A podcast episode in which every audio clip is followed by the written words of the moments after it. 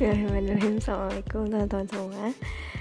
Selamat datang di podcast Kianu Cerita. Ini episode 3 Alhamdulillah. Terima kasih. Sekali lagi terima kasih ya Kepada teman-teman yang udah mau ngedengerin podcast hari ini. Semoga bisa mengambil manfaat dari podcast hari ini. Nah Alhamdulillah hari ini kalian gak sendirian lagi. Semakin seneng ngobrol dengan orang ternyata gitu ya. Alhamdulillah hari ini kalian ngobrol dengan seorang teman uh, namanya Uji. Nah, uh, teman Kiran ini tinggal di kota Tangerang. Oh ya, jadi sebelumnya nih ya. Jadi gini, Kiran pergi jalan-jalan ke Tangerang teman-teman, terus ketemu Uji. Alhamdulillah teman kampus dulu. Uh, update-nya adalah Uji sekarang kerja di PMI. Nah, jadi kita kayaknya insya Allah bisa berbagi cerita nih tentang Tangerang dan tentang PMI. Halo, assalamualaikum. Waalaikumsalam. Sini, hari ini mau cerita apa ya, Ji? Uh, ditanyanya aja Q&A. ya, pengen nanya dulu soal Tangerang. Uji udah berapa lama tinggal di Tangerang? Baru sekitar satu tahun. Ngapain, Ji? Merantau kerja. Merantau. Kerja di? Bukan kerja. Um, Mengabdi. ya mengabdi. di mana? Di PMI Kota Tangerang. Oh, Masya Allah, luar biasa nih. Gimana Ji betah nggak di Tangerang? Alhamdulillah, uh, seiring berjalannya waktu betah karena didampingi dengan teman-teman dari berbagai daerah juga kan yang setipe jadinya, jadinya betah setipe tuh gimana setipe sekufu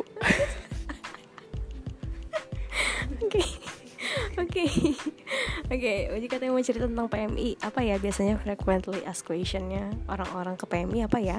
Nah. hmm, oh ini aja deh. Uh, syarat-syarat kali ya biasanya ya? Enggak? Uh, ya syarat-syarat ya kalau enggak kan kalau orang-orang tahunya ke PMI itu buat donor sama buat ngambil darah. Nah tapi ternyata di belakang itu ada proses yang harus dilewati oleh darah-darah itu. Oh, iya. Nah itu kan yang iya. jarang tahu kan. Iya boleh. Nah ayo tanya. Boleh. boleh Ji. Oke ceritain Ji gimana? Nah mulai dari kirim kayak tadi nih. Tadi kirim udah coba donor kan. Nah mulai dari datang kita tuh akan disambut. Ini alur ya guys. Uh, mulai dari datang itu kita akan disambut oleh petugas di sana untuk uh, dipersilahkan mengisi formulir, kemudian melakukan cek MCU ya kayak tes HB sama tensi berat badan tinggi badan nah itu ada batas minimal dan maksimalnya juga. Kalau misalnya semi normal baru kita lakukan pengambilan darah. Masya Allah. Tadi ayah uh, FYI MCU itu medical check up. Jadi teman-teman intinya di situ tuh screening gitu ya Ji semacam screening gak sih? Itu seleksi calon donor. Yes, hmm. Seleksi namanya mantap seleksi. Jadi sebelum sebelum kamu mau donor kamu harus tahu dulu kondisi kesehatan kamu karena kasihan kan orang yang nanti nerima donornya kalau ternyata kamunya nggak sehat dan kasihan ke kamunya juga kalau kamunya nanti nggak sehat terus diambil darah komplikasi nggak sih Ji? Uh, jadi niatnya kita mau nolong malah kitanya yang Ditolong. harus ditolong balikin lagi darahnya ya nggak gitu juga Nah, kalau misalnya teman-teman mau donor tuh uh, harus disiapin dulu sebelum-sebelumnya supaya pas seleksi tadi itu bisa lulus. Kayak kirain gak lulus nih. Berat badannya itu minimal 45 kg. Kalau yang kurus, naikin dulu. Kemudian tidurnya minimal itu 5 jam. Harus kurang dari jam 12 malam. Terakhir tidurnya jam 12 malam, gak boleh lebih. 5 jam ya jadi kalau misalnya baru tahu sih. Jadi kalau misalnya kita tidur jam 1 bangun jam 6 gak dianggap? Ya itu kalau misalnya kamu tidur jam 3 apalagi misalnya bangun jam 10 pagi itu kan lebih dari 5 jam ya. Tapi itu nggak kehitung tidur malam. Jadi tidur malamnya itu maksimal jam 12 malam. Berarti nggak boleh fix? Nggak boleh ditolak. Lanjut. Lanjut terus uh, minum obat obat. Jadi itu sebelum kita tensi dan HB kita ditanya dulu nih. Kayak tadi apa? Berat badan kemudian tidur istirahat obat minimal tiga hari sebelum donor itu nggak boleh minum obat apa pun terutama antibiotik nanti di darahnya juga ada kandungan antibiotiknya. Terus juga kan antibiotik berarti ntar uh, dikirainnya kekeluarin gitu. Apa sih bahasanya? Antibiotiknya ke kekeluarin juga. Kan kirain mau pengobatan nih pakai antibiotik. Eh malah dikeluarin kan? Berarti ke tubuh kurang maksimal dong. Jadi kayak nggak jadinya pengobatan gitu ya obat terus vaksin. Vaksin juga sama kayak gitu ya. Nggak boleh. Tapi kalau vaksin tuh ada waktunya. Kan kalau obat tiga hari. Kalau vaksin itu tergantung vaksin apa. Biasanya kalau influenza seminggu ada yang enam bulan ada yang setahun. Kayak hepa, kayak kalau yang umroh tuh apa tuh meningitis ya? Bisa sampai tahunan setahun. Jadi kalau meningitis setahun nggak boleh donor? Iya tunggu setahun dulu. Terus uh, itu apa ibu hamil dan menyusui tentu ya udah sih. Oh terus tidak tidak dirawat di rumah sakit nih dalam enam bulan terakhir. Terus tidak post operasi juga. Um, kalau operasi kecil enam bulan operasi besar satu tahun. Tindik juga nggak boleh. Minimal berapa ya? Saya lupa. Kenapa? Tindik nggak boleh? Tindik itu kan uh, kan dia penyakit apa sih? Tetanus ya? Kalau yang kena tusukan-tusukan jarum gitu. Nah itu kan belum ketahuan apa uh, penyakitnya apa gitu kan saya baru ditindik takutnya ada penyakit apa ya oh gitu. Jadi nggak boleh dulu. Udah terus nanti kita cek HB tensi. Kalau lolos oke. Okay. berapa nilai HB minimal? Eh HB normal tuh berapa?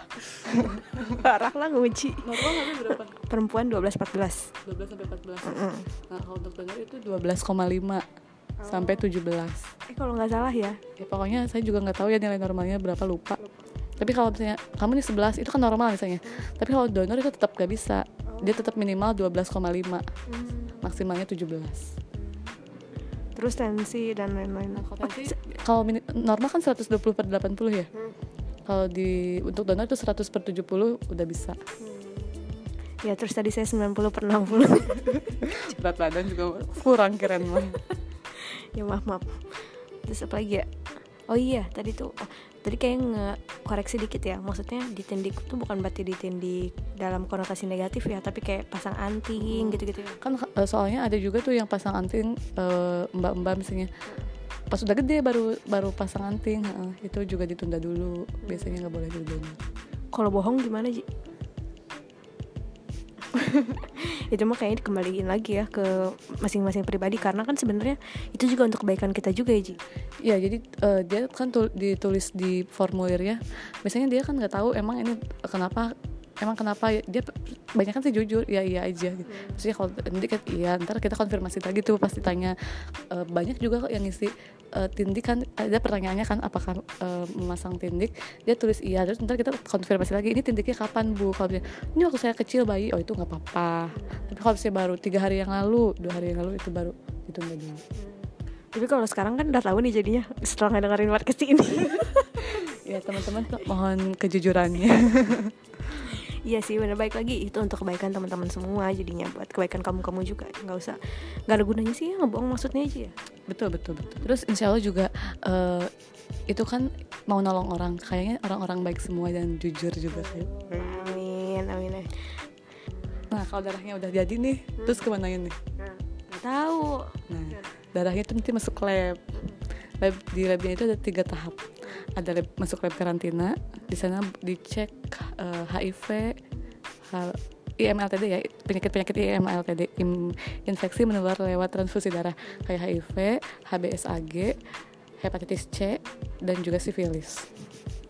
Nanti kalau darahnya udah oke okay nih non reaktif terhadap keempat parameter itu baru darahnya dioper ke lab komponen untuk diolah. Hmm. Bentar, bentar berarti kita tuh secara tidak langsung periksa periksa penyakit penyakit yang tadi aja betul. Soalnya nanti kalau ternyata kamu reaktif di salah satu itu biasanya salah satu parameter tersebut nanti biasanya bakal ada panggilan dari PMI untuk konsultasi sama dokter PMI-nya ya, jadi belum tentu. Jadi nggak semudah itu guys untuk apa ya men mendiag bukan mendiagnosa apa istilahnya menjudge bahwa seorang terkena penyakit itu di PMI pasti ada follow upnya juga. Soalnya soalnya kan di PMI juga itu bukan lab lab diagnostik ya itu lab screening aja screening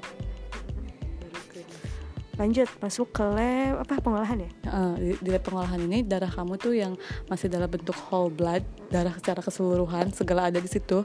Nanti bakal diolah dipisahin uh, trombositnya aja. Karena kan kalau penyakit penyakit tertentu kan dia cuma butuh trombositnya aja nih buat naikin trombosit penyakit apa. Uh, pokoknya penyakit penyakit yang dia lah trombositopeni gitu ya trombosit trombositopeni. Dia biasanya kan butuh trombositnya aja jadi nanti dia di, eh, diolah menjadi trombosit aja. Terus ntar itu satu kantong ini nih kamu kan satu orang bisa menyelamatkan minimal tiga nyawa. Eh, oh masya allah kok bisa? Dua nyawa eh, minimal dua nyawa deh. Oh, masya allah kenapa yang pertama eh, trombositnya dipisahin kan. Yang kedua eritrositnya. Terus? Bis- di- bisa diubah juga jadi nah set- dari satu produk ini bisa jadi diambil trombositnya berarti masih ada sisa plasmanya kan? Plasmanya diambil eritrositnya di dua jadi dua produk. Masih ada plasmanya doang nih. Plasmanya itu bisa dijadiin FFP fresh frozen plasma. Di situ kan banyak faktor pembekuan ya. Itu kayak penyakit penyakit apa ya? Homeostatis ya? Iya homeostatis udah terus udah gitu langsung dikirim? Nggak, terus darahnya itu disimpan di penyimpanan darah kan. Nanti masuk ke eh, lab patient service. Biasanya kalau kirim minta darah Ntar eh, di, di lab ini kan nggak kayak kita jualan donat gitu ya. Minta A dikasih A minta donat dikasih donat minta nggak kayak gitu. Jadi misalnya kirim ngirim sampel A nah di lab patient service ini dicek ulang nih golongan darahnya yang dari sampel kirim tadi. Terus kalau bener nih A sesuai formulir baru diambilin darahnya A. Lalu dilakukan cross match. Iya betul. Dilakukan cross matching. Metodenya sekarang di PMI Kota Tangerang udah pakai metode gel. Jadi cepet lah insya Allah.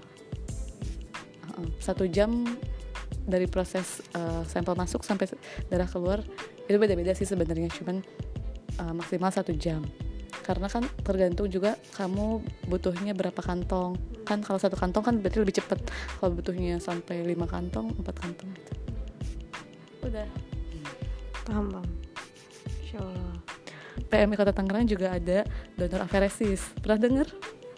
Eh, dulu di, belajar di kuliah tapi lupa. Gimana tuh? Jadi itu kalau donor aferesis itu donor trombosit. Jadi trombositnya aja kan kalau ada eh, orang-orang yang kalau trombosit yang biasa itu kan eh, cuman 50 cc ya. Nah kalau trombosit aferesis ini bisa sampai 650 cc dari satu orang. Nah misalnya satu satu pasien butuh cc-nya banyak nih. Kalau misalnya dia dikumpulin dari banyak orang jadi kalau gimana ya ceritanya? Satu orang itu cuma bisa donorin 50 cc trombosit. Kalau pakai donor biasa nih. Bukan aferesis tapi kalau pakai aferesis satu kantong itu isinya 600 berarti berapa pendonor dua belasan? 12 ya? Bener kan? Ya nggak? Ya heeh. Eh, belibet banget misalnya satu orang pasien membutuhkan eh, 600 cc kalau dari mm, pendonor biasa berarti harus mengumpulkan 12 orang dong. Dan itu antibodi setiap orang kan beda-beda ya. Berarti si kasihan dong pasiennya dapat antibodi macem-macem. Nah makanya dipakai lah aferesis biar cuman dari satu orang aja. Begitu singkatnya paham paham. Jadi nanti kita tuh eh, intinya kita tuh nanti diambil hanya trombositnya aja. Iya betul. Tapi kalau untuk eh, trombosit itu donor trombosit itu dia lebih lama. Kenapa lebih lama dalam maksudnya apa? kan kalau misalnya donor biasa kan 5 menit ngalir udah beres kan. 6, menit 5 menit. Kalau dia bisa sampai satu jam. Kan pakai alat juga kayak alatnya kayak yang hemodialisa itu loh. Hmm, semacam kayak gitu. Keren ya? Oh. oh gitu. Itu bisa semua orang Eh, Donor- persyaratannya juga harus udah donor ada donor harus donor biasa dulu nih berapa kali gitu. Terus dia nggak bisa. Kalau kamu belum pernah donor terus langsung aferesis tuh nggak bisa. Jadi minimal udah enam kali atau berapa kali donor biasa. Berat badannya di atas 50 kilo. Kayak gitu. Terus kan kalau misalnya donor biasa itu kan eh, enam bulan ya. Eh per dua bulan kan. Kalau ini dua minggu udah boleh donor lagi. Heeh. karena mungkin nggak banyak komponen yang diambil kali ya? Ya itu trombositnya aja. Terus juga kalau donor biasa kan tes tes MC, MCU nya cuman HB tensi berat badan tinggi badan denyut nadi kalau misalnya aferesis dia ada tes H2TL juga apa tuh hemoglobin, hematokrit, trombosit dan leukosit. Itunya ada nilai minimal minimalnya juga. Oke, mantap. Masya Allah, eh banyak banget ilmunya ya, Ci. Mantap lah. Nah, termasuk kehitung jarang sih seorang analis yang ke PMI ya. Maksudnya kebanyakan, maksudnya gini loh, kebanyakan analis tuh ya ke lab lagi, ke lab, klinik, rumah sakit, puskesmas dan lain-lain. Jarang dia ingin ke PMI banget gitu. Oh iya, terakhir kenapa sih kita harus ngedonor? Ya, em, kenapa kita harus donor? Yang pertama kita bisa membantu sesama kan. Mungkin kamu nggak nggak ngerasa sekarang eh, ya udah donor, tapi kita tuh kebanyakan ya orang tuh termotivasi karena keluarganya tuh pernah eh, membutuhkan darah tuh gitu. Mbak saya dulu istri saya tuh misalnya udah melahirkan eh, cari-cari darah nih golongan darah ini nggak ada makanya saya tuh sekarang pengen ngebantu orang banyaknya ter- apa sih kejadian dia sendiri kan pengen bantu orang. Terus juga bagus untuk kesehatan kita sendiri. Jadinya kan darah kita ke refresh. Kok refresh sih? Ter- terba- terbaharu ya? Heeh. jadi selnya muda sel-sel muda lagi. Terus eh, mengurangi penyakit resiko penyakit jantung. Ya jadi kamu juga tes ke, apa sih eh, tes kesehatan secara berkala kan jadi terkontrol gitu. Karena di tes berat badan juga berat bad- badannya bisa terkontrol setiap dua bulan itu terkontrol tensi juga terkontrol. Terus eh, screening screening kita kan terscreening gitu penyakit ap- apa sih penyakit penyakit yang empat tadi. Ada yang mau disampaikan gak, Ci, terakhir? terakhir eh, untuk teman-teman yang belum pernah donor eh, yuk kita donor. Karena satu tetes darahmu menyelamatkan kehidupan orang lain. Wah, Masya Allah. Oh ya kalau di Bandung itu ada ya di Jalan Aceh? Iya. Ada di Jalan Aceh, PMI, Kota Bandung. Ya kalau di Bandung itu kalau kalau udah rutin donor terus 10 10 kali donor nanti kita bisa dapat piagam penghargaan 10, 25, 50 ntar kalau misalnya kamu udah dapat 100 itu bisa ketemu presiden. Iya bener. Masya Allah. Tangerang gitu juga? Ya Tangerang gitu tapi kalau itu ntar dikumpulin dulu berapa orang ntar berangkatnya bareng-bareng nggak satu orang satu orang Oh, jadi jadi yang dapat berapa piagam eh satu piagam yang bisa ketemu presiden jadi dikumpulin dari seluruh kota gitu. nanti ba- bareng-bareng dari PMI mana aja terus ntar bareng-bareng berangkatnya Ya Allah luar biasa, masya Allah mantap PMI semangat. Alhamdulillah, makasih banyak ya Ji atas sharingnya, jazakillah khairan kasiran. Semoga bermanfaat nih buat teman-teman yang ngedengerin. Jadi kirain mau menyemangati teman-teman sok yang pertama buat masyarakat pada umumnya gitu ya, buat ibu-ibu, bapak-bapak, teteh-teteh, AA semuanya yang belum pernah donor, ayo kita donor gitu. Karena tadi kata Uji bahwa satu darah bisa menyelamatkan seorang manusia. Wah, masya Allah. Kalau kamu nggak punya, kalau kamu nggak bisa nolong orang dengan uang, nggak bisa nolong orang dengan tenaga kamu misalnya, apa yang ada dalam diri kamu aja sebagai apa ya yang ngebantu orang lain gitu karena kita kan hidup gak sendirian. Terus yang kedua buat teman-teman sesama analisku wih, yang kayaknya sekarang tuh lagi galau-galau pada cari kerja jadi sekarang adik-adik kita yang fresh graduate nih kan biasa ya kalau dulu fresh graduate tuh kayak ya.